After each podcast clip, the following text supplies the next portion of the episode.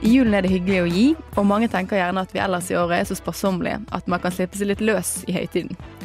Men undersøkelser viser at eh, de meste av gavene vi gir eller får, blir liggende og blir ikke brukt. I år er det forutsett at vi kommer til å bruke rundt 133 milliarder kroner på julegaver. Fire av fem nordmenn får gaver de ikke har bruk for.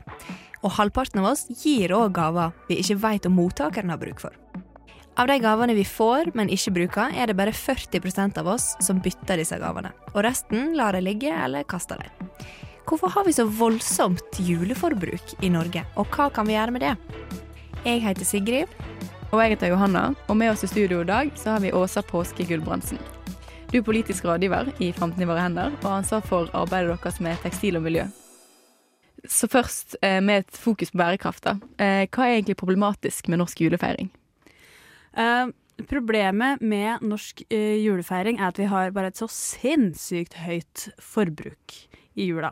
Jeg tror mange har en uh, sosial forventning om at vi skal være ekstra rause med oss sjøl og hverandre i jula, og det er jeg helt enig i at vi kan være, men det fins uh, mer bærekraftige måter vi kan være det på. Altså, uh, det samla utslippet fra forventa forbruk, eller handel, da, som, som vi, vi er forventa å ha i november og desember i år, det tilsvarer tre ganger så mye som vi klarte å kutte av utslipp i fjor. Oi. Ja. så det er mange måter vi kan være rause og gavmilde med uh, hverandre på. Og SIFO de gjennomførte en spørreundersøkelse i 2022 i fjor. Altså, uh, hvor de spurte, hva, spurte folk om hva de bryr seg mest om i jula. Og da svarer folk maten, altså måltidene, tradisjonene og samværet. Så er, gaver er ikke på den lista i det hele tatt. Og gavene er nok det som også utgjør eh, det største forbruket i forbindelse med jula. Mm. Hvis det er sånn, hvorfor tror du likevel at vi liksom vi har en sånn gavekultur og, og kjøper gaver som folk egentlig ikke trenger? Nei, altså jeg tror det kommer tilbake til, eh, til uh, tradisjonen og forventningene, og at kanskje gesten har blitt altså gesten å gi en gave har kanskje blitt viktigere enn hva selve gaven mm. er.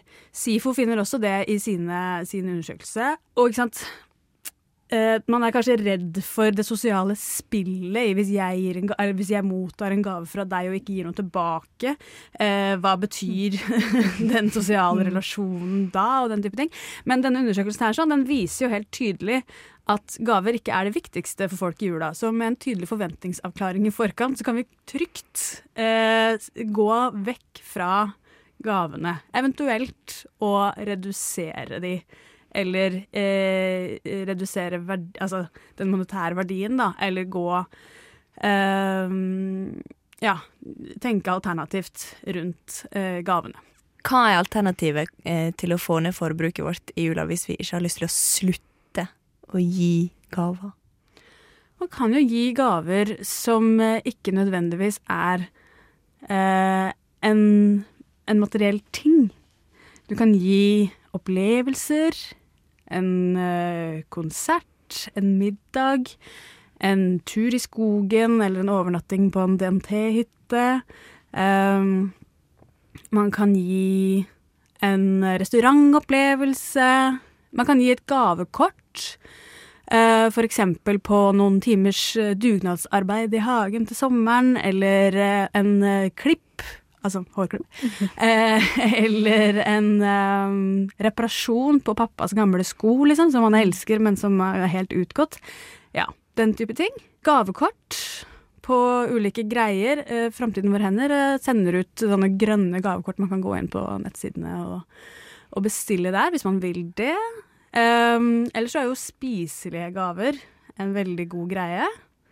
Uh, men tenk da på hva hvem du gir en gave til, og hva vedkommende liker. For det er liksom kanskje ikke noe vits å gi den samme plommechutneyen ti år på rad hvis du veit at tanta di ikke kommer til å spise den, mm. og den bare står innerst i kjøleskapet sammen med alle de andre. Um, ja. Og så er det jo selvfølgelig alternativet, da, å gi brukte gaver. Um, og også ønske seg disse tingene, for det kanskje Hvis du aktivt ønsker deg den type ting, så kanskje uh, får det folk til å prøve Finn eller Tice for eksempel for første gang.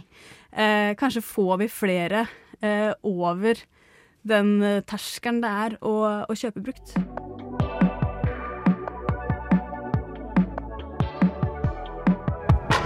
Hvordan kan man unngå den situasjonen at man får masse gaver man egentlig ikke trenger eller vil ha?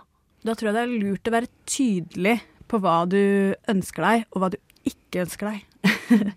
Vær gjerne tydelig på at 'jeg ønsker meg brukte gaver til jul', eller 'jeg ønsker meg en, uh, en uh, middag på restaurant med deg', eller jeg Altså, den type ting, da. Ja, og som jeg sa i stad, så tenker jeg også at det kan hjelpe folk med å tenke alternativt rundt hva en gave kan være. Hva skal du ønske deg til jul, eh, og hvilke råd vil du gi oss som kanskje får klær vi ikke vil bruke, eller ting som vi risikerer at bare blir liggende eller blir kastet? Jeg kan ta det siste først. Um, ja, vi får jo ofte mye som vi ikke trenger til jul.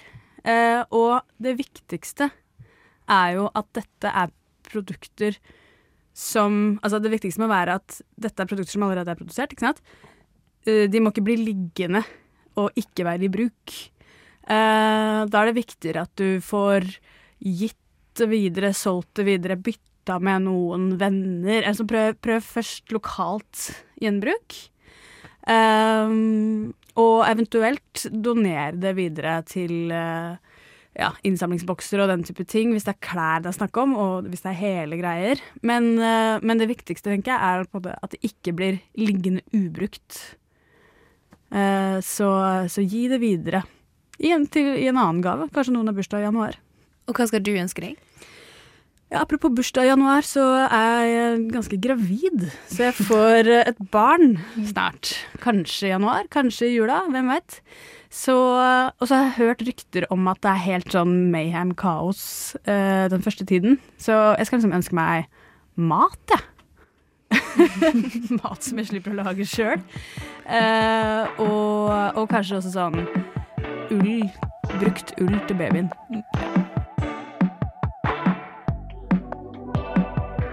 Du har hørt en episode av Putchpodden. Jeg heter Sigrid Hoddevik Losnegård, og med meg i studio i dag har jeg hatt Johanna Haukanes Leivestad, Åsa Påske Gulbrandsen som gjest og Stian Henriksen på teknikk. Undersøkelsen vi snakker om i episoden, er gjort av YouGov for Unicef Norge i år.